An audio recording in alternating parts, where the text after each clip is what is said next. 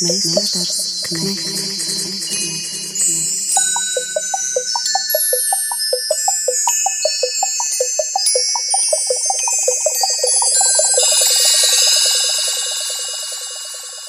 Meistars Knechts.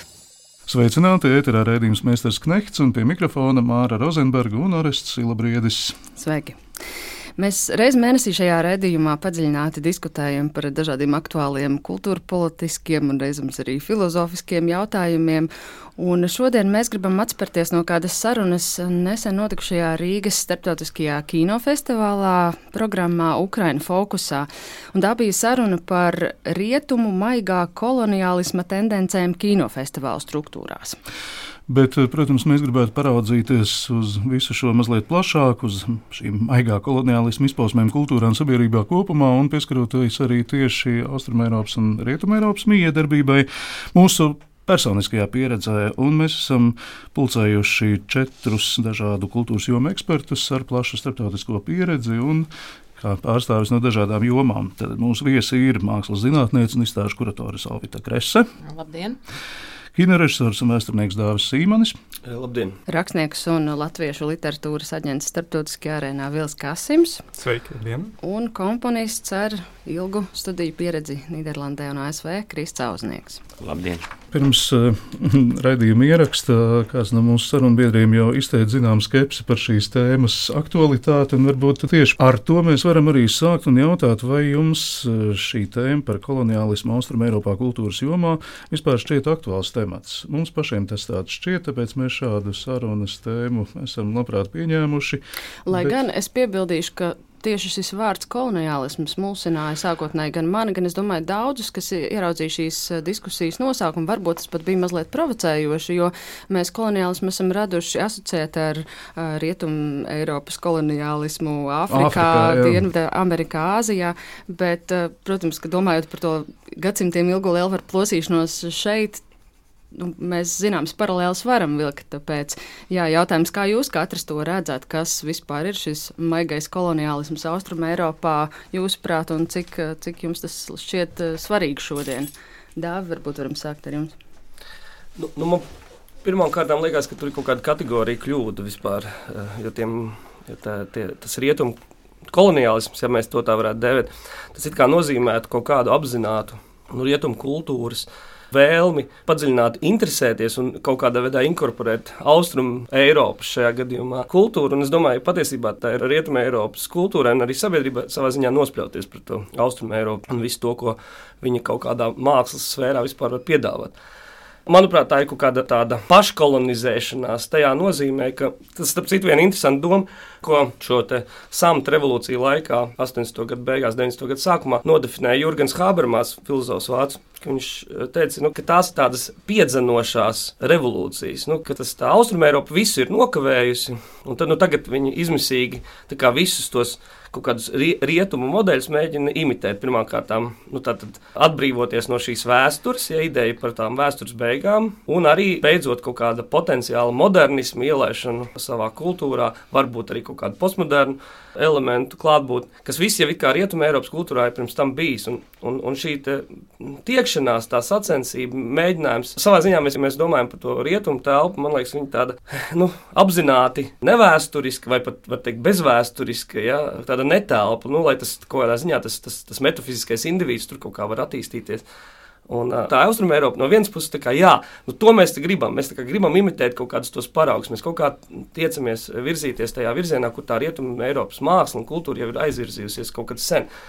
Bet Izrādās, ka vienlaikus mūsos dzīvo arī tā otra, tā, tā šausmīgā savas kultūras un arī savas eh, kaut kādas eh, politiskās dzīves vai sociālās dzīves vēsturiskošana. Ja? Un, un tā, man liekas, ir tā pretrunīgā lieta, nu, ka no vienas puses ar to tiekšanos kā, imitēt tos nevēsturiskos rietumu Eiropas modeļus, tas ir kaut kāds tas viens virziens, tā ir tā, tiešām, kur mēs varētu mm, nu, fiksēt šo te koloniālisma, bet paškolonizēšanās iespēja. Bet no otras puses, mēs tomēr ļoti lokalizējam to kultūru, ļoti padarām viņu bieži vien nacionālu vai varbūt pārnacionālu. Tajā nozīmē, ka nu, tiksim, iezīmējam to Austrumēropas reģionu kaut kādā veidā. Un tā ir tā vēsturiskā tendence, ja tā, tā nepārtrauktā vēršanās pie vēstures Ne jau tādā nozīmē, ka visu laiku tur, tas parādās mākslā kaut kāda atskats vēsturē, nē, bet nu, vienkārši tas, ka mēs, mēs visu laiku jūtam to vēstures klātbūtni. Un, un, un tam jau arī ir milzīgs pamats. Nu, kaut vai paskatieties, nu, traģēdija uh, Ukrainā šobrīd. Nu, tā jau tīrākā nu, vēstures atjaunošanās. Ja? Nekāda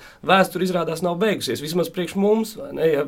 Tiem rietumēropiešiem mēs sakām, viņiem šajā kontekstā, manuprāt, nu, nu, kaut kādā ziņā nospļauties. To, nu, tas ir redzams arī ārpus kultūras, jebkāda veida, teiksim, tajā politiskajā sfērā vai sociālajā sfērā. Solvit, man liekas, ka tu nākamā varētu teikt. Jā, nu man bija ļoti interesanti klausīties, kā Dāvis redz šo situāciju. Jo daudz kam es varētu piekrist, daudz kam atkal es tiektos nepiekrist. Jo es domāju, nu jā, kad skatoties no šīs, šī postkoloniālā diskursa, uh, ka, jā, ka rietumiem lielam ir nospļauties pa mums, bet tomēr tas netraucē ieņemt viņu šādu paternizējošu pozīciju. Viņi joprojām skatās uz mums no augšas, un tas nav tikai tas, ka mēs ieņemam paši šo kolonizētā pozīciju, bet arī skatoties atpakaļ vēsturē, es negribētu piekrist, ka tu saki, ka mēs tiecamies imitēt šos viņu paternus vai kaut kādus ar tādus vēsturiskās attīstības posmus.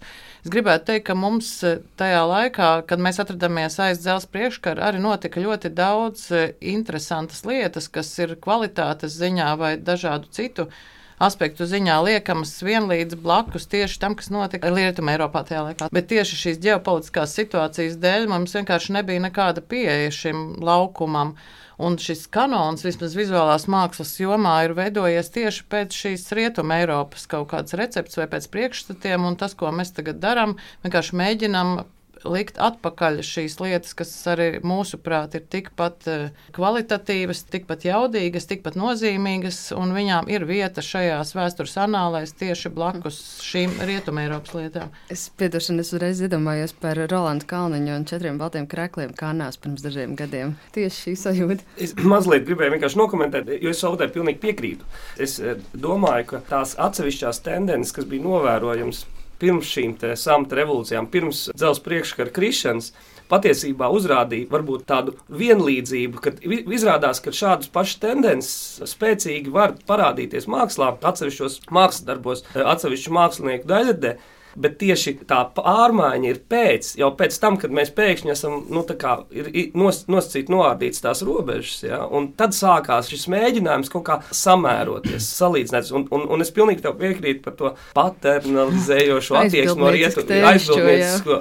Bet, bet tā jau ir tādēļ, ka mēs jau paši to politiskā bērna lomu uzņēmāmies. Mēs jau uzņēmāmies, ka mēs neesam pieauguši. Mēs gribam to kaut kādu veidu apgaismību gūt, un tad nu, nu, tagad tie rietumi dod. Viņiem jau kas, ko viņi varēja darīt? Nu, kaut kas jau bija jādara. Nu. jā, jā, jā, tūlīt tiks pie vārda arī mūzika literatūra, bet savu ir kres un dāvs. jā, mēs jau jūtam, ka mēs varētu pierunāt visu. bet, nu, drusku es atļaušos. Jā, jo arī man liekas ļoti interesanti būtu vērst uzmanību uzmanību uz izstādi, ko mēs Latvijas laikmatīgās mākslas centrs atveram rītā Rīgas mākslas telpā, un kuras nosaukums ir dekolonālā ekoloģija, kur mēs skatāmies uz šiem procesiem, kā tieši šī jaunā pasaule formējās Austrum Eiropas reģionā. Un mēs skatāmies šo postsociālismu periodu caur postkoloniālo prizmu, kas diezgan daudz tiek kritizēts tieši Rietumē Eiropā. Viņi saka, ka mēs nevaram tā kā nozagt šo terminu un tā kā pārcelt uz. Post... Nozagt no kā? Nozagt no rietumiem, jo postkoloniālisms ir jau diezgan aprobēts eh, termins un kultūras teorija, kura tiek eh, lietota saistībā tieši ar pārsvarā rietumu valstu kolonizāciju, kas tika veikta trešās pasaules valstīs. Un tā jau ir jau daudzas, daudzas dekādas tiešām tāda attīstīta teorija un diskurss, un mēs viņu tagad pārceļam tieši uz šo postpadomju teritoriju. Un mēs nevaram noliegt, ka mums šis e, kolonizētā arī kaut kāds gēns arī ir iekšā tieši dēļ šīs situācijas, ka tās sekas, ko mēs izjūtam no tās kolonizācijas, kas ar mums tika izdarīta padomju laikā, nu, viņas joprojām ir mums līdzējošas. Mēs netiekam ārā no šī kolonizētā kaut kādas tās sajūtas, jo tā vēsture mums velkās, velkās tā kā tāds izpletnes līdzi, un mēs tur joprojām esam. Mēs nevaram noliekt, ka tās sekas joprojām ir klātesošas. Mēs šajā izstādē runājam par ekoloģiju, bet mēs skatāmies tieši, kādi tie nospiedumi ir mūsdienās. Joprojām tie nospiedumi tur ir, un mēs nevaram no viņiem izvairīties. Un arī otra lieta ir, ko mēs tagad pārvērtējam šo postpadomu situāciju. Ļoti daudz, kas padomu laikā tika identificēts kā padomju māksla, tur netika izdalīts latviešu, gruzīnu, krievu Ukrāņu vai kaut kādu citu tautību pārstāvju veikums. Tas viss gāja zem vienas tās birkas padomju māksla, tagad mēs arī to visu prasam atpakaļ un liekam atpakaļ vēstures uh, anālēs. Būtībā tagad notiek joprojām tāds ļoti, ļoti nozīmīgs vēstules pārakstīšanas laiks, kā mums jāaiziet cauri. Man liekas, tad mēs ar kaut kādā veidā atbrīvosimies varbūt no šī paškolonizētā statusa sajūtas.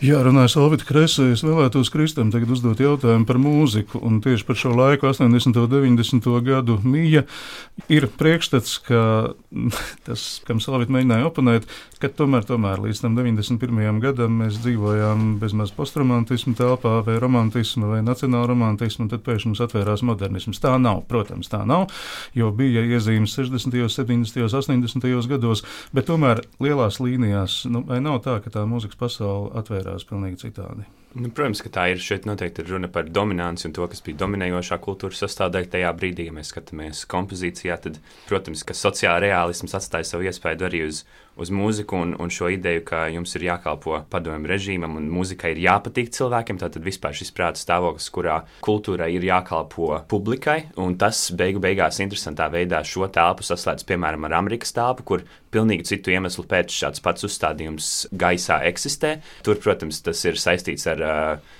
ar vēlīno kapitālismu un, un to, ka nav uh, valstiska sponsora šai mākslai, kā tas ir lielākajā daļā Eiropas. Bet tad šajā telpā tas nāca no, no, no, protams, no režīma vajadzībām vai propagandas vajadzībām. Un tad beigās mēs esam patiesībā diezgan labi predisponēti tam, lai, lai mums būtu attiecības, piemēram, ar Amerikas tirgu, kur komponisti, kas uzauga tajā režīmā, ļoti bieži tas, kas tur notiek, ir daudz tuvāks šim neoromantisma vēsmām, piemēram, nekā tas ir Rietumē Eiropā, kur tomēr mēs izgājām cauri modernisma ritenim. Tas droši vien nav raidījumam, bet tāpēc Amerikā tik labi klājas Ešenvaldam un Dubram? Noteikti daļai. Protams, tas ir saistīts arī ar universitāšu koru kultūru. Šeit tieši jānošķir šī kormūzika, kurā šī, nu, faktiski amatieru kormūzika muzicēšana ir e, e, vienkārši viņas kvantitāte ir milzīga. ASV, jo tur arī tāpat kā mums ir kori šeit Seibankai un, un, un visām citām institūcijām. tāpat tur bija. Jā, jā es, es nezinu šī brīža stāvokli. Bet tad, protams, 90. gados tas izmainījās, jo visa paudze viena pirms manis aizbrauca uz Rietumu Eiropu studēt. Un šeit ir interesanti domāt, kas no tā ir klasificējams kā koloniālisms vai, ma vai vismaz maigā kā koloniālisma versija un kas nav. Jo tad, protams, šie cilvēki brauc šeit atpakaļ. Pārsvarā mums bija tādas divas lielas līnijas, viena, kas ir uz franču pusi, otra, kas ir uz vācu pusi. Un to arī šeit redz, ka faktiski, ja mēs paskatāmies visu manu paudzi, kas nav aizbraukuši, tad viņi jau raksta mūziku, kas ir daudz tuvāka pārsvarā tomēr vāciskai tādai kompleksitātes estētikai, jaunās kompleksitātes estētikai. Tur ir ļoti skaidri spēlētāji šajā laukā, kas studējuši ir vai nu Irkamā, vai nu, vai nu kādās no vācu skolām, kas tad šīs idejas šeit proponē, un kas nav nekādā veidā vēsturiski saistītas ar vismaz vēsturisko Latviju. Un tad, protams, ir šis otrs nacionālais, nacionāla romantisma gals, kuru vēl joprojām arī dzen. Faktiski mūsu mūzikas akadēmija ir interesants uh, studiju gadījums, jo šeit ir abas šīs puses pārstāvētas. Šis ļoti spēcīgais Eh, nacionāla romantisms, kas sakņojas kormūzikā, un tad viņā ir no profesoriem domājot, tur ir divas paudzes viņā, un tad ir otrs šis pilnīgi pretējais rietumu, nu, tas man jau ir iebis lietot šo vārdu modernisms, bet es vienkārši viņu lietošu, jo nu, diskusija. Tomēr labāk, labāk vārdu mēs eh, šādai Jā. lakoniskam pārstāvam neatradīsim. Es vēl pajautāšu tieši jārunājot par šo pašu modernismu, vai mūsu tauta ir gatava modernismam, un mūzika šai ziņā noteikti atšķirās no, no citām mākslām. Nu, mūzikā neviena tauta modernismam nekad nav bijusi gatava. Tas ir Tad kaut tie, kas, kas iet Rietumē, Eiropā. Nu, bet uz- Rietumēropā jau neviens uz šiem koncertiem neiet. Tā ir ilūzija. Mēs Nu, festivālos neiet, bet, jā, bet, nu, ja mēs paskatāmies proporcionāli, tad, tad šeit uz viņiem man šķiet iet vairāk cilvēku, īpaši jauni cilvēki, jo viņiem ir zinkāri. Šeit vispār jauniem cilvēkiem kultūrā ir daudz lielāka loma. Viņi par to interesējas. Man šeit ir sajūta, ka šai kultūrai ir nākotnē. Es aizbraucu uz Rietumu Eiropu vai to pašu Ņujorku un es aizēju uz Ņujorkas filharmonijas koncertu, tur vidējā publikas vecums ir 95 gadi. Vai, Jā, nu, nu, varbūt- bija diezgan šausmīgs skats arī Leipzigas Gevanthausas sēdienas rīta Jā. koncertu, Nu, kur un sirmas galvas bija no šie, laukums. šie jā. klausītāji radīsies? Tas, protams, ir saistīts ar izglītību, tas ir saistīts ar Labi, es izteicos nekorekti. Jā, runāja Kristis Sauznieks, Vilis Kasims. Vili, tu vēl neesi ticis pie vārda par literatūru. Vai arī literatūras situācija ir unikāla, vai tā tomēr ir salīdzināma ar tādām citām mākslu jomām? Savā ziņā, protams, ir līdzības, un līdzīgi kā Kristis nu pat teica, man arī ir sajūta, ka Latvijā šī jaunā literatūra savā ziņā ir dzīvīgāka nekā to var novērot rietumos. Tāpēc savā ziņā man reizēm liekas, ka rietumu literatūra skatās uz, uz austrumiem, uz dienvidiem, šajā gadījumā Āfriku vai Dienvidameriku, meklējot kādas jaunas uh, vēsmas, kaut kādu veidu, kā uh, atgūt to enerģiju, uh, kas tā vai citādi ir mazliet pagaisusi. Cits jautājums ir, vai mēs varam to piedāvāt, vai mums ir kas tāds, kas varētu negluži reanimēt, bet mazliet tā kā sapurināt literatūras vidi. Nu, tas ir sarežģītāks jautājums. Man liekas, ka dzējā šajā gadījumā Latvijā ir spēcīgākā stāvoklī. Kaut vai tāpēc, vien, ka mums eksistē dzēja, ka tas nav tāds tīri akadēmiska stikla pērlīšu spēle, kā tas ir daudz vietā rietumos, bet tiešām jaunieši lasa dzēju, nodarbojās ar dzēju un runā par to, un runā par dzīves jēgu un, un tādā garā, kas viss ir brīnišķīgi. Un, kad es dzīvoju ārzemēs vai kad es runāju ar ārzemju izdevējiem, man ir sajūta, ka tur uh, ir mazliet kaut kā sausāk un akadēmiskāk uh, par to tiek runāts. Ja atgriežamies pie koloniālisma tēmas, tad savā ziņā man eh, liekas interesanti, ka Latvijā daudziem cilvēkiem tagad sāk apnikt uh, termins postpadomju valsts, ka ir jau pagājuši pietiekami daudz laiks, ka mēs vairs neesam postpadomju valsts. Kas, protams, tā ir, cik ilgi mēs pašdefinēsimies. No otras puses, um, tās rētas ir viennozīmīgi joprojām ir palikušas, un no tām mēs īsti nevaram tik viegli atbrīvoties. Ja paskatāmies literatūrā, kas ir sevišķi prozā, kas ir iznācis pēdējos gados, pēdējos desmit gados pat, tur ir ļoti liels um, slānis, kas mēģina uh, reflektēt par vēsturi, gan padomju vēsturi, gan pirmspadomju vēsturi, un savā ziņā pārradīt šos narratīvus, kas padomju laikā tika mums uzspiesti, un ļoti dīvaini narratīvi reizēm. Un šāda veida narratīvu pārdefinēšana man liekas ļoti izteikti postkoloniālisma uh, iezīme. Pat ja iespējams mēs šo terminu esam nozaguši vai uh, atņēmuši citiem, manuprāt, tas ir uh, visnotaļ izmantojams arī Latvijas literatūras gadījumā. Bet tavuprāt, tam procesam ir jānotiek tai pārdefinēšanai. Es domāju, ka tas ir neizbēgams process, jo Tas vienkārši jāizslimo, jāaiziet cauri. Un... Jā, jo galu galā mums ilgu laiku nebija ļauts runāt eh, par vēsturi, kāda tā vairāk mazāk bija, vai kādu mēs to gribam redzēt. Kas ir divas atšķirīgas lietas, un reizē man liekas, ka mūtinās par vēsturi dažviet eh, prozā runā par to, kādu mēs gribētu, lai būtu bijusi vēsture. Vilta, tu nu pat atgriezies no Frankfurtas grāmatu tirgus, kur tu kā viens no platformas Latvijas literatūra aģentiem darbojies, šī platforma tika izveidota tieši pirms, nu jau četriem gadiem uz, pat vairāk kā četriem gadiem uz Londonas grāmatu tirgu, kur Latviju pārējās Baltijas valsts bija īpašās viesu valstis. Kāda ir sajūta tirgu esot, kā Latvijas nacionālās literatūras pārstāvim? Ir tā politiskā bērna, kā Dāvis teica, sajūta joprojām, ka nu, nu, mums skatās mazliet kā aizbildnieciski un no augšas. Tas joprojām ir no sevišķi no Anglijas, ASV, no anglosakšu puses. Jo viņiem līdzīga attieksme ir gandrīz pret visu, arī pret Bet tā ir tā angļu augstprātība, jo man liekas, darbojas tomēr uz visiem. Jā, tas nav tikai Latvijas vai Austrumēropas jautājums. Arī Spānija vai Itālija ir savā ziņā perifērija viņiem. Protams, zemāk kategorija. Mm. Kamēr no mums kultūrāli un vēsturiski var būt tālākas valstis, kā tāpat jā, Spānija un Itālija, tur joprojām ir cilvēkiem jāskaidro, ka Latvija un Lietuva ir atšķirīgas valstis un ka ne, mums nav galvaspilsēta Viļņa un tādā garā. Tajā pašā laikā ir interesanti, ka kad runājam par Latvijas literatūru ar šiem ārzemju izdevējiem, šobrīd, sevišķi pēc kara sākuma, pēc Krievijas iebrukuma Ukrajinā, ir parādījusies interese par šo reģionu. Jo apzinās cilvēki, ka viņi lasa ziņas un saprot, ka pagaidām es patiesībā neko nezināju, kas ir, kas tās par valstīm, ko viņas dara, ko viņas dala. Un, um, tāpēc ir parādījusies kaut kāda lielāka interese par visu reģionu literatūru. Arī tāpēc, ka daži izdevēji, kas orientējās uz Austrum Eiropas literatūru, Tagad viņi eh, neizdod krievu eh, autoru darbus, un līdz ar to atverās eh, telpa citām balsīm no, no reģiona. Dāvi, vai tu kādreiz kādu savu filmu taisot, es domāju par to, kā tevi sapratīs? Nu, pirmkārt, Igaunijā, otrkārt, Lietuvā, treškārt, Krievijā, ceturtkārt, Vācijā, piektkārt, Francijā un tā tālāk. Nu, kino jau vispār ir ļoti īpatnēji īpatnējs mākslas veids ar to, ka, ka viņi jau paredz kaut kādu tādu masu pievilcību. Nu, tā, tā vismaz viņš tiek kaut kādā veidā nodefinēts. Kaut vai nezinu, piešķirot naudu kaut kādām filmām, tad viena no galvenajiem kritērijiem būs tas, kas ir jūsu auditorija.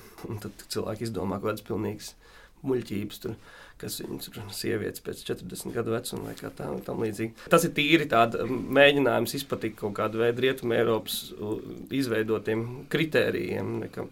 Bet uh, es pilnīgi noteikti nedomāju, man interesē mana paša interese par to, ko es veidoju. Tā ir kaut kāda tāda, teiksim, tāda mēģinājums kaut kādā veidā atreflektēt, kāpēc man vispār kaut kas interesē. Ja? Un iespējams, ka šī, šis mēģinājums nu, atreflektēt, nu, protams, ļoti dārgā veidā, veidojot filmas, es ceru, ka tas var ieinteresēt arī kādu citu. Un tajā brīdī es ceru arī, ka tā, tā kino valoda ir kaut kas pārnacionāls, nu, ka viņai nav, nav šī pie, tā reģionālā piesaiste, ka viņa nav šī lokalizētā vienība. Līdz šim tā pieredze man likus domāt, ka tā arī ir. Man filma dzīve bija salīdzinoši nu, veiksmīga e, ārpus Latvijas, un, un, un, un īsnībā pat es, es atceros, ka savā laikā Laila Pakalniņa režisori teica, ka Dienvidkorejā viņas filmas uzņem daudz iejusminātāk nekā, nekā piemēram, Latvijā. Nu, Latvija, nu, tas gan, jā. jā Zikā, un, un, un tas nabaga latvietis, viņš uzreiz var ieņemt tādu pusi, nu jā, nu, ko tad, ko tad jūs, nu, tad varat aiziet savas filmas Dienvidkorejā, nu, ko tad nevajag man tad, la, Bet tieši otrādi mums kaut kāda šī ideja, ka pirmkārt šī upura lomas noņemšana no sevis, tad, piemēram, viena no lietām, ko pilnā mērā, kas ir tāda, ja mēs runājam par šo kolonizācijas iedzienu, lai gan es visu laiku viņu ar šausmīgi negatīvu zīmi, tur viņa, es domāju, ir arī kaut kādas pozitīvas konotācijas šim vārdam varētu būt kultūrā. Piemēram, viena no lietām, ko kino Latvijā pārņems, tiešām viena tā lielā problēma bija tā, ka mums tas nu, kino lauks, tas modernisms viņu īpaši neskāra. Nu, kad Rietumē Eiropā viņš vēl bija dzīves 90. gados. Tad šeit vienkārši nebija finanšu, par ko vispār taisīt filmas. Un filmas kļuva par kaut kādām atsevišķām, nu, šīs nosacītas modernismu tradīcijā veidotās filmas, viņas kļuva par tādām marginālām vienībām. Un tad jau mēs ielicām pilnīgi jaunā, nu, tajā Eiropas Savienības diskursā, kurā, protams, valdīja nu, tāda birokrātiski uzstādītas tēmas, kuras visbiežāk bija kaut kā piesaistītas konkrētajam laikam, un konkrētajam laikam nevis mūsu laikam, bet Rietumē Eiropas laikam. Ja? Un, un te arī parādījās tā lieta. Mēs sākām īstenībā diezgan daudz filmu filmas, mēs skat, skatāmies pēdējiem 20 gadiem, replicē tādu vienu ļoti, manuprāt, bēdīgu tendenci. Nu, es runāju par latviešu filmām. Viņas tā kā izpatīk rietumē Eiropas eh, tam skatienam uz mums, nu, kad dzīvo kaut kādi tādi deklasēti, nu, ne īpaši sevi saprotoši un arī, nu, vispār kaut kādā ekonomiski, kaut kādā pilnīgi drausmos apstākļos cilvēki, kas ir pilnīgākie tāda deģenerātu kasta. Ja, tā kā, tā kā Matīs Kažs teica tajā diskusijā, ka tad noteikti jābūt kādai filmai par nabaga bērnu, kuram ļoti slikti klājas un viņš nu, ir pametis tie, tad ir cerība tikt Rietumēropas jā, un, un, tā, jā, un, un tad, tas ir viens no tiem eh, veidiem, nu, kā mēs kā ceram, nu, ka, ja mēs tad, tad replicēsim šo viņu mītu par mums, tad, tad nu, mums veiksies starptautiski. Bet tas jau ir tas, ka tajā brīdī, kad jūs kaut ko veidojat priekš, tas, kas it kā ir izteicis šo vēlmu, nemaz nav tik ļoti atvērts. Jūs tur, nu, viņi, skaidrs, ka nevar teikt, ka nav tādām filmām veicies. Ir, ir bijis, bijuši piemēri, bet jebkurā gadījumā, manuprāt, šīs ir tās divas lietas, kur mēs redzam to lecienu pāri modernismam. Tas nozīmē, ka mēs neesam nu, tādajādi modernismu kino vispār latviešu auditoriju neesam iepazīstinājuši. Ja? Tas, kur, kur būtu. Nu, bet kaut kas no tiem 90. tur ir kā palicis. Jā, nu, jā, tam, tam absolūti no viens ne? nezinu. Nu, jā, no tā, tā, ka, tiksim, tas, ko es, ko es dzirdu šeit, nu, piemēram, attiecībā uz citām mākslas sfērām, ka, ka tā jaunā paudze kaut kādā ziņā ir šī interese ja, par šādu veidu izpausmēm. Tas šeit vispār nav. Ja? Tas nenozīmē, ka jauniem cilvēkiem nav interesi par kino. Viņiem ir, bet uh, viņiem jau ir interesi par tādu ļoti, kā lai saka, nezinu, pieradinātu kino. Nu, tad kaut kādā ziņā tas, tas ir tas teimed angļu jēdziens, tas ir tas, kas viņus interesē. Uh, nu, tieši no, nu, tas, ko tā riet, no, nosacīta, ko mēs domājam, ko Rietuma Eiropa no mums sagaida. Un tā ir tāda, nu, Bet, bet tu nesi sev nekad pieķēries pie tā, ka tomēr, lai arī it kā tu taisi tieši par to, kas tevi interesē, ka tomēr kaut kur nu, fonā ir tas, nu, vai, vai šo sapratīs festivālos, uz kuriem es gribētu, lai šī filma aizbrauc. Nu, pirms pāris gadiem es atceros, ka mēs runājām, kad gads pirms kara bija iekļuvis Rotterdamas kinofestivālā, un tu teici, tās tāds režisoru kānes, tas ir nu, liels gods tomēr tur būt, un ir prieks, ka viņi ir pamanījuši, bet tajā filmas veidošanas procesā tas tā sajūta par to, ka ir jāizpatīk tiem noscīt rietumiem vai tām rietumu ietekmēm festivālos, tev nav Nu, nekad. Nu, nē, es domāju, vispār, ja, ja kāds vispār var kaut kādā normālā veidā, nu, tiksim, tajā radīšanas procesā iekļaut kaut kādu veidu šādus apsvērumus, eh, nu, tas nozīmē, ka viņš vispār ne, ne, nu, nekādā veidā nefokusējās uz tā, tā, tā darba radīšanu. Viņš Mm. tad Īsumā nodarbojas sakot, viņš nav mākslinieks. Ja? Nu, Tad- Zināt, kā teica, te man liekas, ļoti labs tāda frāze, ko savā laikā izteica nu, tāds kino semiotiķis Kristians Mets. Viņš, viņš teica, jebkura filma ir mākslas darbs, un jebkurš eh, kino veidotājs ir mākslinieks. Ja? Bet mēs varētu papildināt. Nevienmēr. Nu, Bet kāpēc viņš tā teica? Nu, viņš teica, tāpēc, ka viņš vienkārši nu, viņam, viņš ne, nevarēja tos jūsu kaut kādus eh, nu, emocionāli bāzētus, vai afekta bāzētus, vai vienalga nu, uz kaut kādu jūsu intuīcijas bāzētus spriedumus par kino. Viņš nevar attiecināt, ka kaut kas ir māksla, tāpēc, ka vienkārši jūs jūtat, ka tā ir māksla. Mhm. Viņam vajag ļoti skaidru, viņam ir jābūt nu, tīri, tā, nu, kā viņš veic kaut kādu lingvistisku analīzi attiecībā uz to filmu. Un viņš var pateikt vienkārši tikai tas nozīmē to, tas nozīmē to, šī kombinācija. Tad, kaut ja tu to dari, tad tu esi tas Jā, un jā, tās tu, jā, jā neaizskaisti. tu, viņš nevar, viņam nav šī, nu, viņš nedrīkst ļauties šai intuitīvai pieredzei. Kaut gan man liekas, ka tas ir kaut kas tāds, ko mēs lēnām Mēs, laimīgi. mēs negribam viņu klausīt. Nē, noteikti. Ne. Dāvi, vēl viens jautājums, tas, kas izskanēja arī kinofestivāla diskusijā. Ja tu paņem franču producentu, vai tev ir lielākas cerības tikt Kannu festivālā? Jā, protams. Tas kino ir ļoti izteikti. Tā, šī industrijas bloķēšanās, tā ir tāda milzīga spēcīga tendence. Tas ir nozīmē, ka vispār filmas, kur, kuras jau, jau pirmkārt kļūst par kopražošanas projektiem. Jā, tie, tām pilnīgi noteikti ir lielākas iespējas tas, nu, kaut kā iekļūt tajā festivāla apritē, tikt pamanītām, iespējams iegūt izplatīšanu arī citās valstīs.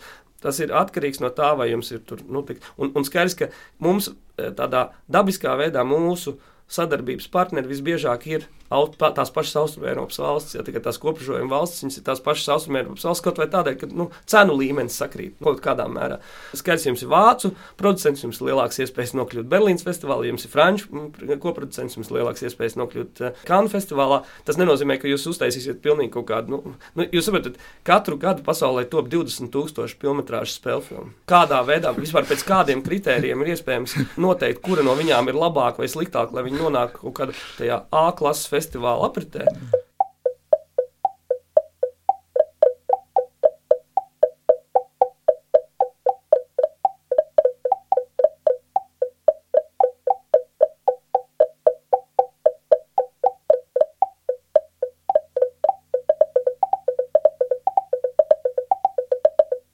Kristē, tu esi domājis kādreiz par savas mūzikas konvertējamību.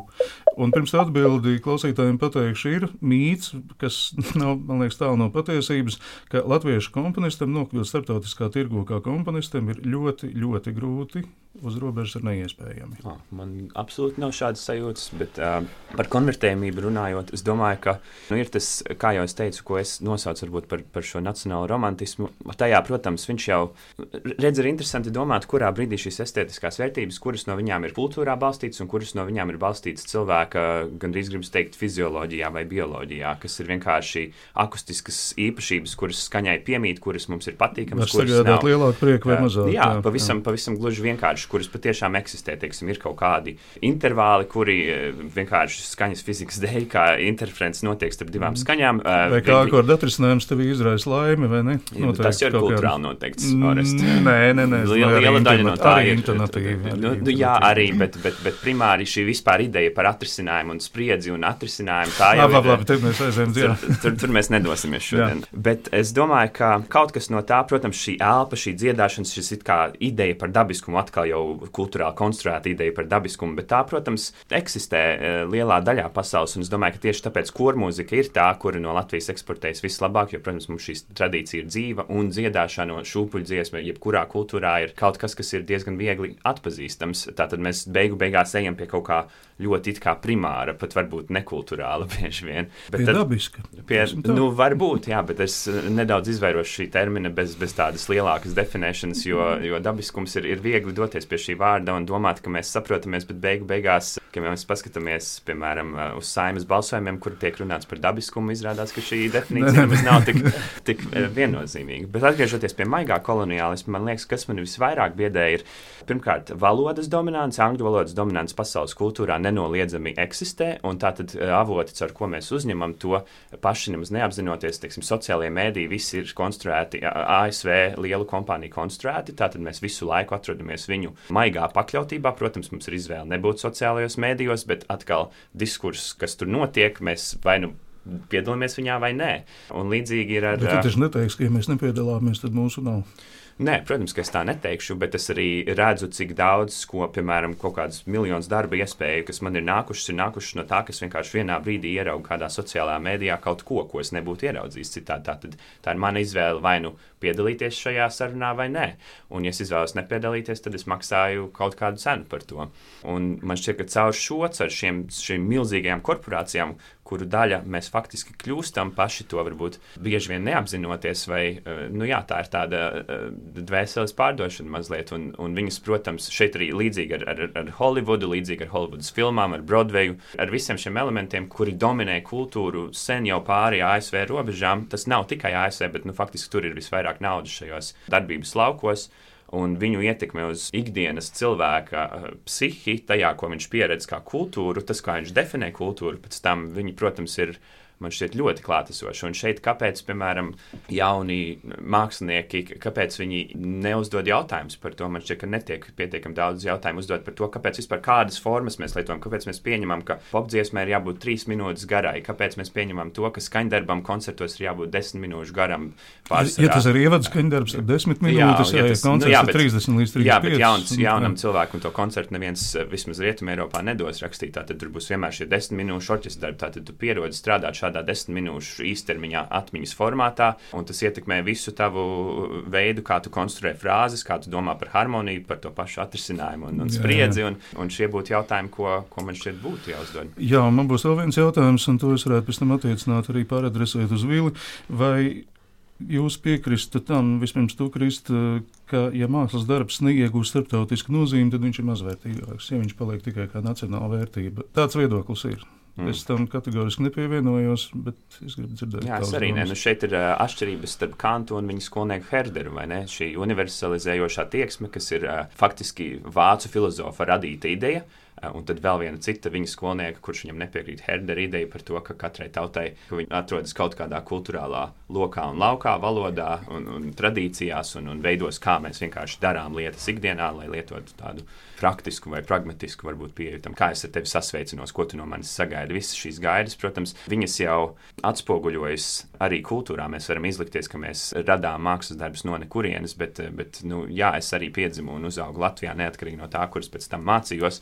Un, uh, man šķiet pašsaprotami, piemēram, braukt uh, kaut kādā brīdī uz mežu vai sēņot. Es zinu, ko tas vispār nozīmē. Un, ja tu man parādi vai pastāsti kaut ko par sēņošanu, tad skaidrs, ka mana emocionālā sasaiste ar to jau būs uh, daudz lielāka lielāka. Tā kā mhm. saistīs micēlīs. Jā. jā, es saprotu to, ka konteksts un konteksta nozīmība ir, ir, ir milzīga. Un tad ir jautājums, vai ir lietas vai ir elementi, kuros var šim kontekstam tikt pāri, vai mēs varam paskatīties uz ārpusi, uz, uz sevi vai, vai mākslas darbiem, vai pilnīgi vienalga, ko tādā veidā, kur mēs varam paspērt soli ārpus paši sava, tāds vārds ekstātisks ar nozīmi ārpus sava ķermeņa vai ārpus savas būtības, būtnes. Un tad man šķiet, tas ir tas, kurā brīdī mēs varam sākt sarunu arī ar ar cilvēkiem, kas, kas nav mūsu kultūrā auguši vai dzimuši.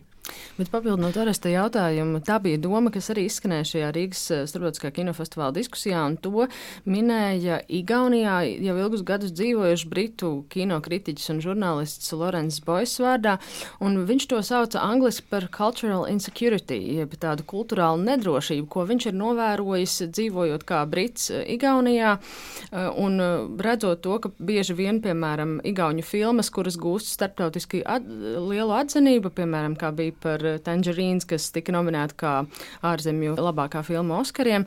Viņi uzreiz kaut kā ieguva tādu daudz lielāku vērtību lielas sabiedrības daļas acīs. Ar ko jūs to skaidrojat? Nu, no kurienes mums joprojām ir, kāpēc mums tik svarīgi ir tā ārējā atzinība? Projām varbūt Vili. Jā, Vili, jā. Un Solvit pēc tam. Mm -hmm. Runājot par tavu piemēru par Igaunijas filmu Tangerine, man nāk prātā no literatūras vidas piemērs no Dienvidkorejas, kur Haņas Kanas grāmata Veģetārieta nebija īsti populāra Dienvidkorejā, bet tad viņi ieguva starptautisko Bukara balvu pēc iznākšanas uh, Anglijā un ASV un kļuva par bestselleru Dienvidkorejā un arī citur pasaulē.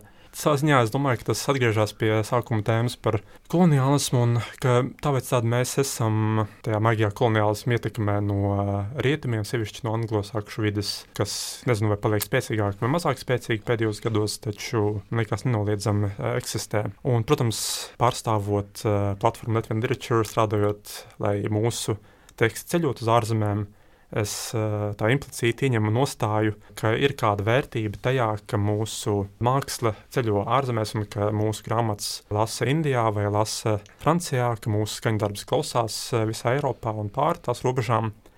Man liekas, ka sevišķi es vairāk runātu par literatūru, jo pat literatūrā es redzu, ka atšķirīgos žanros strādājušiem cilvēkiem ļoti atšķirīga pieeja un vēlme, kāpēc viņi rada savus darbus. Tāpēc es nevaru īstenībā runāt par mākslu, vai mūziku, vai, vai kino. Taču man liekas, ka prozā sevišķi un arī dzējām cilvēki, kuri rada šos darbus, viņi lielā mērā vēlās izstāstīt sevi un vēlās savā ziņā tikt uzklausīti. Un, protams, vienmēr ir sajūta, ka Latvijā tā lasoša auditorija ir pārāk maza, lai atrastos uh, kaut kāda veida tāda vesela, kas rezonēs ar to, ko tas uzrakstījis. Un, plus, protams, es ticu, ka ir ļoti patīkami apzināties, ka kaut kur Japānā kāds lasa, ko tas uzrakstījis un izjūt emocionāli līdzīgā veidā, kā tu to darīsi rakstot. Vai tas nozīmē, ka darbs, kas ir, teiksim, negribētu teikt, tēmēt, ir rakstīts latviešu auditorijai, teiksim, cilājot, nezinu, 5. gada revolūcijas eh, jautājumus vai ko tādu, vai tas ir tāpēc mazāk labs eh, jau pēc definīcijas noteikti nē. Taču man liekas, jā, ka ir cilvēkiem, māksliniekiem, ir vēlme tikt eh, uzklausītiem plašākā vidē, un tad ir jautājums, kādā veidā tu par to domā vai nedomā, vai vienkārši mēģini radīt pēc iespējas labāku mākslas darbu ar pārliecību vai cerību, ka tad tas spēs arī šķērsot kaut kādas robežas. Man liekas, ka tas, protams, ir labākais veids. Jā, runāja Vils Kasums Solvita par šiem pašiem jautājumiem. Nu jā, turpinot atbildēt uz jūsu uzdoto pēdējo jautājumu, jā, man liekas, ka tas novērtējums, ja, ja šis novērtējums tiek nu, piešķirts mākslas darbam tikai mūsu valsts teritorijā. Tas ir šīs mazās nācijas kaut kāds mazvērtības komplekss, domāju, kas arī atsaucās atkal uz šo pašu kolonizējošo situāciju. Mums liekas, ka, ja to novērtē tikai Latvijā, tad tas nav pietiekami varbūt labs un ievērības cienīgs, bet, kā mēs labi zinām, tas bieži vien jau neliecina par mākslas darba kvalitāti vai to veik, mākslinieka veiksmi, bet drīzāk par kaut kādu spēju to komunicēt vai vai publicitāti, ko var iezdodas savērpt ap šo mākslas darbu un tādā veidā, nu, gribētu izvairīties no vārda pārdot ārpus, bet, nu, varbūt tas ir precīzākais vārds, ko patreiz lietot. Bet turpinot šo tēmu, es gribētu arī paskatīties, kā vispār veidojās tā interese, pasaules interese par Latvijas mākslas telpu, kultūras telpu. Tur, diemžēl, ir jāsaka, ka tas ir ļoti daudz saistīts ar tādām norisēm ģeopolitiskajā telpā vai situācijā vai kādiem lielākiem satricinājumiem. Es, piemēram, skatoties uz mākslas centra darbību, redzu, ka nu, visvairāk Latvijas mākslas izstādes bija pieprasīts brīdī, kad uh, Mēs uh, ieguvām savu neatkarību, respektīvi, kad veidojās šī jaunā valsts. Tad visa Eiropa gribēja šo jauno valstu izstādes, un tad nākamais bija, kad mēs pievienojamies Eiropas Savienībai, tagad Ukrainas karš Ukrainā, un tagad atkal ir liels pieprasījums pēc šī reģiona mākslinieckām izpausmēm. Un atsaucoties to, ko Dāvis teica, ka bieži vien mākslinieki vai izstāžu veidotāji mēģina trāpīt tajā konjunktūrā un piepildīt šo rietumu Eiropas tādu ekspektāciju vai to viņu priekšstatu par to, ko tad viņi grib redzēt un ko viņi sagaida, kādai tad jābūt šai austrumu Eiropas eh, mākslē un kādām tieši kādām atsaucēm uz pagātni tur jābūt iekļautām, lai tas iedarbotos. Un nenoliedzami daudzi mākslinieki arī tā strādā. Viņi zina šī brīža konjunktūru, un viņi nu, piespēlē kaut ko pieliek klāt, kas būtu tāds ejošs šajā brīdī. Bet nu, man, man ļoti labs piemērs šī gada Venecijas bienāla, kuras kuratore es arī biju. Jo, piemēram, Skoja Bradena ir abas šīs mākslinieces, nu, viņas ir tīrākie tīradņi. Viņām absolūti neinteresē nekāda diskursa. Viņas vispār, mēs viņām mēģinājām, mēs mēģinājām viņas gatavot publiskām intervijām. Mēs viņām stāstījām, kas ir treniņš. Ko jūs viņām teicāt? Bija mēdīja treniņš. Mēs viņām stāstījām par to, kā, ir, nu, kā, ir, kā jāstāst par viņu darbiem. Un viņām tas tā kā tā, tā laimīgā, vienkārši tā laimīgā sajūta, ka viņām tas tā kā pīlēm ūdens. Un vienkārši viņas dara to, ko viņas dara, un viņām pilnīgi neinteresē, kas notiek, nu, kā, kādi diskursi ir pasaulē pasaulē, kaut gan viņas ļoti reaģē uz to, kas notiek pasaulē. Viņas noskatās ziņas, tajā pašā vakarā tiek uzcepts, es domāju, burtiski uzcepts, jo tas ir krāsnī cepts porcelāns. porcelāns un uh, darbs, kas reflektē par Ukrainu, kas uh, reaģē uz visu. Viņas tiešām tagad tādi sūkļi, kas uzsūc pasaulē notiekošo un uzreiz pārvērš mākslas darbos. Un, kā mēs zinām, Latvijā šīs mākslinieces tika vērtētas diezgan pretrunīgi. Arī nu, tā, es ļoti labi atceros, cik liels šaubas bija daudziem, kad, kad šis mūsu projekts tika izvirzīts. Jā, Dievs, šis pārstāvēs Latviju. Šis pārstāvēs Latviju. Un tagad tas veiksmes stāsts, ka mēs esam ierindoti gandrīz visos top sarakstos, kāda vien pasaulē ir iespējama, un to ir darījuši mākslas kritiķi, mākslas eksperti. Uh, Un tad jādomā, kas ir šīs e, veiksmes pamatā. Manuprāt, tas ir tas kuratora vai institūcijas darbs, ka tu saproti, ka šis ir tas brīdis, kad tā kārtas ir jāizspēlē, jo mainās pilnīgi paradigma mākslas vidē, ir nu, ļoti klātesoši šie jaunie narratīvi, feminisma idejas arī kā mēs redzam, arī Venecijas galvenās izstādes kuratora Čečilija Limānī veidoja savu izstādi atsaucoties uz seriālismu mākslinieču mantojumu. Un arī nāk atkal, atkal ja varētu teikt, nevis nu, modē, varbūt tas arī nav īstais vārds, bet jā, aktualizējās. aktualizējās visas šīs amatniecības tradīcijas, kas tradicionāli saistītas ar sieviešu prasmēm, gan tekstils, gan un keramika, un arī tiek izceltas gaismā tieši sieviešu mākslinieces, kas jau ir eh, sākušas savu radošo karjeru pagājušā gadsimta jau pēdējās dekādēs. Un tā kā vienkārši saprotot visus šos parametrus, nu, piemēram, es kā kurators vai kā instācijas vadītājs, es saprotu, ka patreiz tā ir kārts, kas ir jāliek galdā. Bet arī tas nav tāds kaut kāds konjunktūrisks, skujas bradena instrumentalizēšanas mēģinājums, jo mēs laikmatīgās mākslas centrs jau sen ar viņām strādājam. Mums vienmēr ir licies simpātisks tas, ko viņas dara. Vienkārši tu saproti, ka šī brīdī tu vari izdarīt to soli un iznest viņas plašākā uzmanības lokā, kas arī nostrādāja. Nu, jā, jo tas man, es varu jā. iestarpināt, tev likās tomēr, ka viņām būtu vajadzējis komunicēt citādāk tajā Venecijas bienālas kontekstā, nekā viņas darīja, lai viņas pamanītu labāk. Jo beigu beigās izrādījās, ka viņas tāpat tajos visos topos iekļuva arī ar to savu pīlēju ūdens. Jā, jā, ne, topos bet, bet tā sākotnējā sajūta, ka, lai mūs saprastu, lai viņas pamanītu, tev, tev šķita, ka kaut kā citādāk būtu jārunā. Grūti tā kā savākt to laukumu, kad, piemēram, preses konferencē, ka tu pilnīgi nezini, ko tas cilvēks vienkārši tagad pateiks.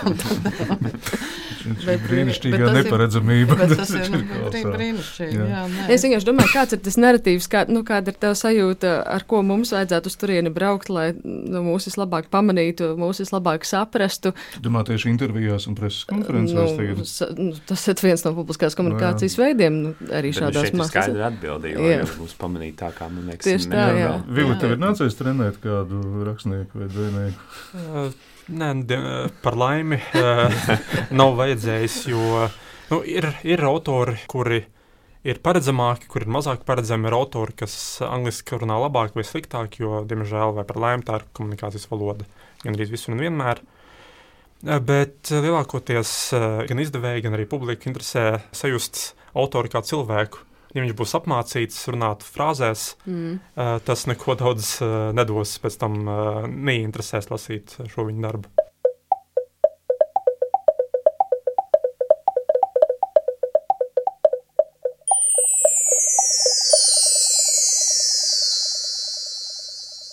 Radījums Meistars Knehts, Māra Rozenberga un Aris Silbrīdis, un mēs tuvojamies jau raidījuma fināla fāzē. Mūsu viesi ir Salvita Kresa, Kristis Auznieks, Vils Kasims, Dāvis Sīmanis.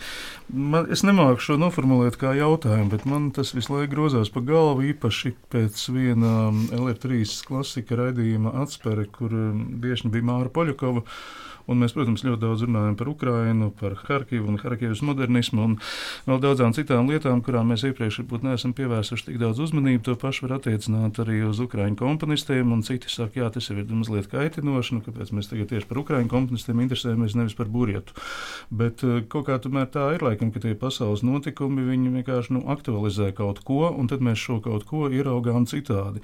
Un tad es sāku domāt, vai tā pati augstprātība, ar kādu rietumu skatās uz mums, nav atkal piemītoši mums, kad mēs skatāmies uz Ukrajinu, kā pirmoreiz ieraudzījuši, ka arī tai ir savi komponisti un rakstnieki, un nemaz nerunājot par tālākām tautām, par kurām varbūt interesējās Knuts Skviednieks, Ulds Bērziņš, Pēters Brūvers, bet izdzirdot vārdu salikumu komītautas dziesmu, jau vēl pirms gadiem desmit, nu man arī bija tas pats pīlēja ūdens, jā. Pirms vispār sāc iedziļināties, kas tā ir pa tautu, kādai valodu grupai tā pieder, ar ko tā ir īpatna. Nu, Vārds sakot, es vēlreiz saku, es nemāku šo noformulēt kā jautājumu. Es varu tikai izmest viņu kā sajūtu, vai jūs arī kaut ko līdzīgu šajā jā, mūsu attieksmē pret, tu, pret nezināmo. Man liekas, ka patreiz ir eh, vērojama tieši tāda ļoti, ļoti dzīva interese tieši par šo nezināmo. Protams, tas saistās ar kaut kādu tādu egzotizāciju, kas arī ir no mūsu puses, protams, tāds, eh, mēs, mums nākās iekāpt arī kaut kādā tādā varbūt kolonizējošā pozīcijā. Bet varu no savas pieredzes teikt, ka reiz pēc Maidana tajā gadā es taisīju Kijivas Nacionālajā galerijā lielu izstādi ar Baltijas un uh, Ziemeļvalstu mākslinieku dalību un arī ar lielu Ukraiņu mākslinieku dalības daļu. Un arī gan toreiz es biju pārsteigta par to Ukrainas uh, laikmetīgās mākslas dzīvīgumu un dažādību. Un arī tagad, joprojām nestoties uz to, ka mākslinieki daudz vienkārši ir pārtraukuši strādāt šajā brīdī vai atrodas bēgļu gaitās, tā scēna ir ļoti, ļoti bagātīga un interesanta. Un es skatos īstenībā ar tādu skaudību. Man liekas, ka tā, nu nevis man liekas, bet es varu pat atzīt, ka patreiz tā viņu scēna ir daudz jaudīgāka, piemēram, nekā mūsējā un dažādāka. Kaut kā man liekas, ka pārējot uz šo tādu novērtējumu, kad man liekas, ka viņi pat ir jaudīgāki un interesantāki par mums, kas jūtu tādu atvieglojumu tajā savā sajūtā, kad man zūd tas kaut kāds tas patronizējošais skatu punkts. Nu jā, redz, cik viņiem tur grūti iet, nu cik labi, ka viņiem kaut kas vismaz tur notiek. Tā galīgi nav. Un, un arī par, te, piemēram, tagad mēs arī diezgan daudz strādājam ar eh, mākslinieki, nu, nevis strādājam, bet drīzāk pētām. Mēs esam tajā pētniecības stadijā, kad mēs skatāmies uz Kaukāzes teritorijām, uz šīm postpadomju teritorijām. Un mēģinām strādāt ar tā reģiona māksliniekiem. Mums jāatzīst, jā, ka tur ir ļoti, ļoti interesanti procesi, par kuriem mēs ļoti maz zinām. Un es tiešām gribētu būt vairāk kā tādi tilti, kā mediatori, lai iznestu šo mākslu kaut kur plašāk. Nu jā, drusku laikam sanāca tā, ka es tagad lūdzu jums katram taisnoties par to, kāpēc jūs līdz šim neesat iemācījušies čuvašu tautas dziesmas dziedāt ja es, no piemēram, rīta. nevēlējos, Bet- es pat netaisījos. Es, es būtu nu, e- komentējis tieši savādāk. Jā, lūdzu. Man, piemēram, liekas, vispār, nu, ka tas tāds mazliet lāču pakalpojums. Man, manuprāt, ja ārēja katastrofa izraisa pastiprinātu interesi par kādu reģionu mākslu, nu, kultūru. Ka Tā patiesībā ir lāča pakalpojums tai kultūrai. jo Tas nozīmē, ka tas, tas patiesums mākslā bet viņš, viņš tiek nu, tā ierauts tādā principā novienādojošā, kopīgā kaut kādā interesē par. Ja nu, to cit, vienkārši citā kritērija sistēmā, Nu, jā, kad nu, viņi nu, vairs nemēra ar nu, mākslu, viņš tāds bet ar Ukrāns, Pēkšņi jā. u- nevis teiksim, kāds ir brīnišķīgs glezotājs, bet viņš ir Ukraiņas glaznotājs. Tas nozīmē, ka viņam vairs netiek vērtēta viņa mākslinieckais pienesums, ko es patiešām uzskatītu par interesi, metafiziku un patiesību, nu, kas ir mākslā, bet kaut kādi pilnīgi citi kriteriji. Un tas, manuprāt, nedod neko labu. Nu, piemēram, tiksim, ja mēs runājam par kino, tad, tad gan pēc Krimas aneksijas 2014. gadā, gan tagad sākās tāda milzīga, nu, tā superliela plūsma Rietumē Eiropas festivālos ar, ar Ukrāņu filmām, ja, vai, vai filmām par Ukrāņu. Ja. Pagāja, nu, tā, pēc Krimas aneksijas bija šī tendence vienu gadu, otru gadu, un pēc tam tas viss pazuda. Es esmu pilnīgi pārliecināts, ka tieši tāpat tās notiks. Tagad, nu, pēc kaut kāda laika, ja, protams, nesakos kaut kāda galēja globāla kataklizma, atkal par to aizmirsīs. Nāks nākamā aktualitāte. Un, un, un tajā brīdī, tieši tajā aizmirstībā noslīgs arī tas patiesais. Ja? Un man, manuprāt, šī tendence, man viņa galīgi, es, es nekādā veidā neuzņemos nekādu patronālu attieksmi vai kaut kādā ziņā tādu attieksmi, kurā, kurā es pēkšņi būtu kļuvis par Ukraiņas mākslas, nu, ka man būtu pastiprināta interese par Ukraiņas mākslu. Man vienmēr licies, ka Ukrainā ir, ir bijuši brīnišķīgi, Ukrainu pārstāvuši brīnišķīgi autori, brīnišķīgiem darbiem, un, un tā tas ir bijis izsenis. Tas, ka nu, tas skaits varbūt nav bijis kaut kāds milzīgs milzīgi apjoms, bet kurai tad valstī ir milzīgs apjoms nē, nē, nē, ar, ar, ar šo izcilo bet, mākslinieku? Bet arī mēs ļoti tagad jā, pieķērāmies pie Ukrainas un pie kara, bet mans skatījums vispār bija vairāk uz, jā, uz austrumu pusi un arī, arī uz to, cik ļoti daudzveidīgi un dažādi ir Krievija. Ja, tādas Krievijas cik ir vispār īsti Krievija un cik daudz šajā Krievijā ir apslēpta kaut kādu citu garīgu kultūras teritoriju, par kurām es nezinām neko. Bet runājot par to, ko pieminēja Solvita un pēc tam dāvis, vai ir vispār kaut kāda atbilde, kā tad, nu, kā sacīja Vils iepriekš, iegūt to plašāku lasītāju loku savai grāmatai, savam skaņdarbam, savai izstādē, savai filmai? Ja tā konjunktūra reiz ir tāda, ka mēs esam maza valsts, kas ir starp lielvarām, un mēs to publicitāti varam iegūt šādos uzplūdu brīžos, kad ir kaut kādu vēsturisku politisku iemeslu dēļ lielāka interese par reģionu, nu, ka tas ir viens no veidiem. Tad, ja, ja tas uh, ir lāča pakalpojums konkrētajai kultūrai, tad kādā veidā mums citādāk mēģināt par sevi likt vairāk runāt? Aizmirst, vienkārši aizmirst par šo, nu, mēģināt pārkāpt pāri šai traumai, ka jūs esat austrumēropietis. Vienkārši šī trauma ir jāizmirst. Vienkārši jums vajag būt, jebkurš autors, eh, ja viņš vispār kaut ko grib izdarīt, viņam ir jābūt brīvam no šāda veida, nu, šīs te, mm, vēl joprojām nosacīt dzīvās vēstures, un, un tas, ka tu visu laiku sevi sātiecini, tu jau visu laiku pirmām kārtām tu pozicionē sevi kā upuri, otrām kārtām tu pozicionē sevi kā austrumēropietis, tātad kaut kādā ziņā izplatīts rietumēropiešu viedoklim par to. Jā, bet arī kā neveiksminieku potenciāli. Nu jā, kaut kādā ziņā jā, jā. tur jau tā lieta, tur ir iekšā tas, tas, ka tu jau esi lemts. Ko tad mēs failam, neko, jā. jā, nu, ka tu, tas mm. fails tevi visu laiku pavada. Un es to redzu to studentu starpā, ar kuriem strādāju. Nu, ir kaut kāda, manuprāt, šobrīd paudze, kurai šobrīd ap, aptuveni 20 gadi, ne, kā, varbūt bija, nu, mazliet pār 20 un viņiem vairs tas īsti nepiemīt. Viņi kaut kādā ziņā lēnām tam ir kāpši. Viņi, ne, ne, viņi nedomā, ka viņi ir kaut kādi tur, uh, bēdu brāļi austrumos, un, un viņiem arī nav tik svarīgi. Tā tā rietumē Eiropa viņiem vairs nekļūst par tādu kaut kādu, nu, ziniet, tas tā kā kaut kādam padomju pilsonim izbraukt, nu, jā, jā, uz augšu, jā, jā. apskatīt uh, austrumu Berlīnu. Nu, nu, tas ir tāds. Nu, Nu, priekš viņiem jau tie bija rietumi. Nu, mums tie rietumi ir mazliet pavirzījušies tālāk. Bet eh, nu, mūsu starpā ir brīnišķīgi, izcili talanti, kuri darot to, ko viņi. Nu, es pieminēju Lailu Pakalniņu. Cilvēks, kurš uzticīgi gadiem ir darījis vienu konkrētu lietu, vienā konkrētā, unikālā stilā, un viņa ir atzīta. Viņai patiešām nav tā, ka viņa konstanti domātu par sevi kā kaut kādu austrumu Eiropas lūzeri. Ja? Tieši mm. otrādi. Viņi, mm. viņi ir un, un spēcīgi pārstāv Latviju starptautiskā kino arēnā. Jā, mums ir pēdējais laiks beigt, eh, rezumējoši par šo tēmu. Jā, Salvita. Ne, viens komentārs, divi komentāri vienā, jo es tikko atgriezos no Austrum Eiropas bienāļu asociācijas tikšanās Prāgā. Tā tad ir tāda Austrum Eiropas. Jo mēs viņu izveidojam paši, vienkārši ne, nesen īstenībā, īstenībā, lai atbalstītu Kievas bienāli un, un, un lai vienkārši visādā veidā kaut kā viņiem palīdzētu pa, jau pirms kara.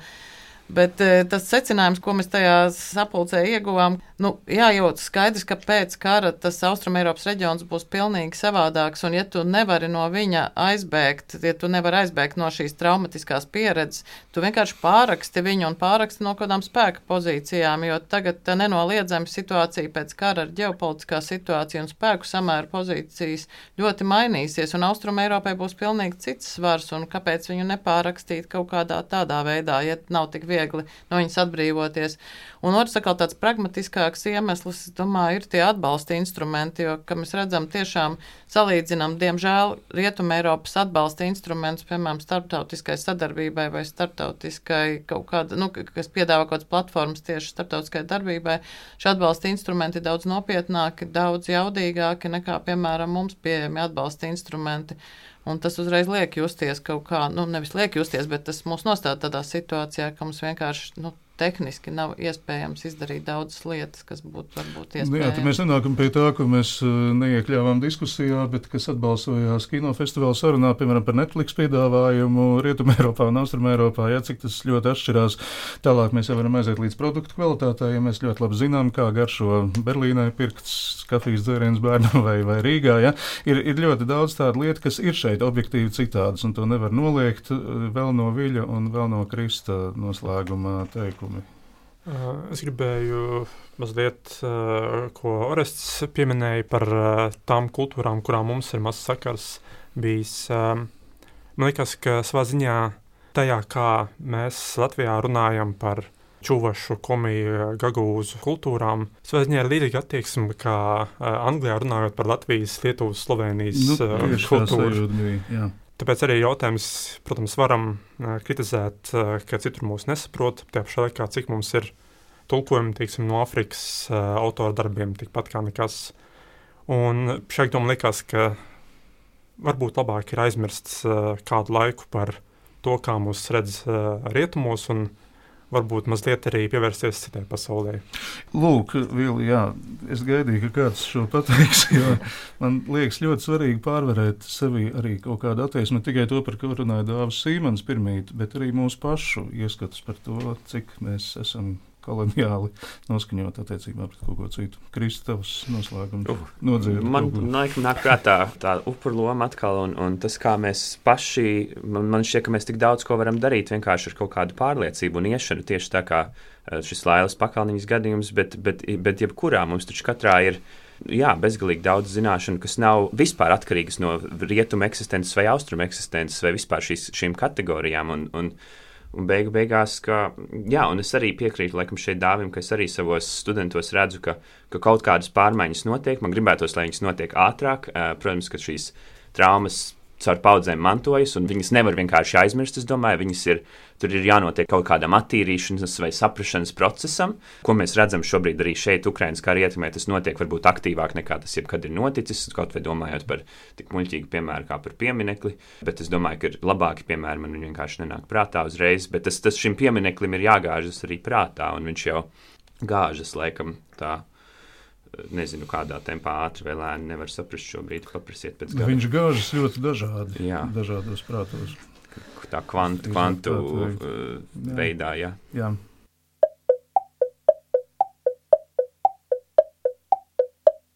Ar to mēs arī varētu likt punktu šodienas interesantajai sarunai. Jā, vienmēr mēs nedodam nekādas atbildes, bet mēs ierosinām.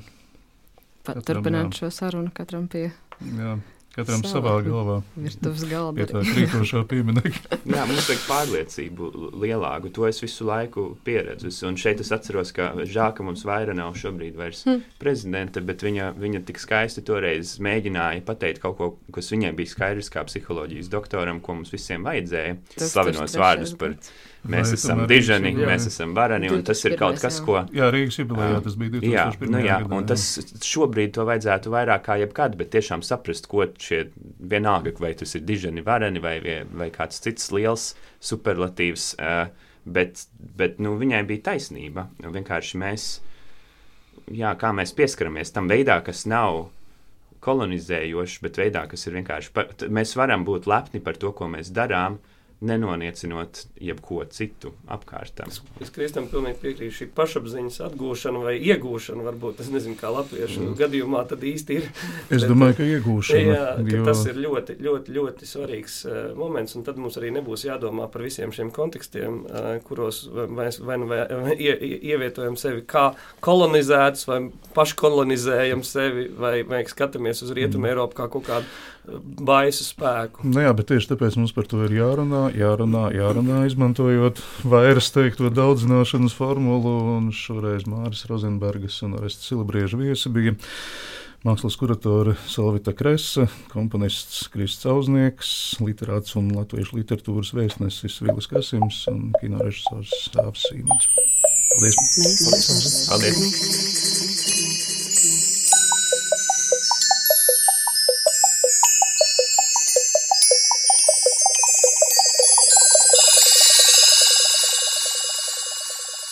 Meistars Knechts.